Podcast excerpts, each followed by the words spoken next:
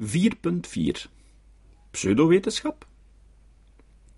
Is het woord pseudowetenschap niets meer dan een inflammatory buzzword for quickly dismissing one's opponents in media sound bites? Zoals Richard McNally schrijft, prijkt het woord enkel in mijn titel als een al te gemakkelijk shortcut for discrediting Freudian theory?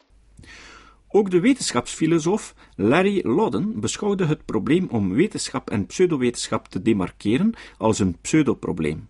Wie echter, zoals Lodden en Erwin, enkel een onderscheid wil maken tussen bevestigde en niet bevestigde theorieën, beschouwt de psychoanalyse onterecht als een strikt afgebakend systeem met een duidelijk propositionele inhoud en gaat, zoals ik in het vorige deel probeerde aan te tonen, met de grove borstel door de subtiele methodologische en wetenschapsfilosofische kwesties van falsificatie, ontduiking, opzettelijke conceptuele ambiguïteit en het gegoochel met methodologische jokerkaarten.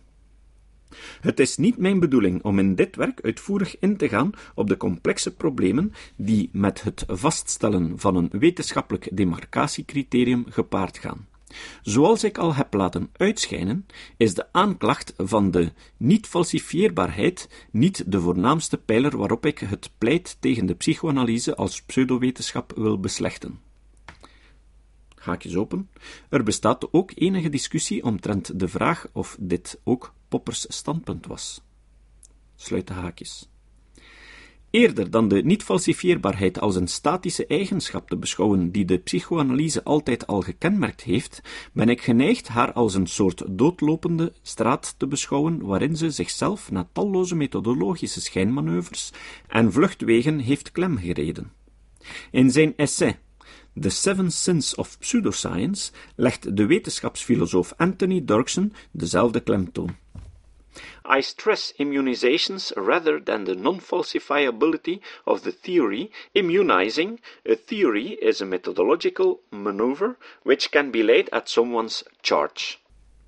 De niet-falsifieerbaarheid is in dat opzicht enkel de finale impasse van het pseudowetenschappelijke proces waar het in essentie om draait de systematische pogingen om kritieken en weerleggingen allerhande te ontvluchten en de perverse gewoonte om deze zelfs als glasheldere confirmaties van de theorie te beschouwen.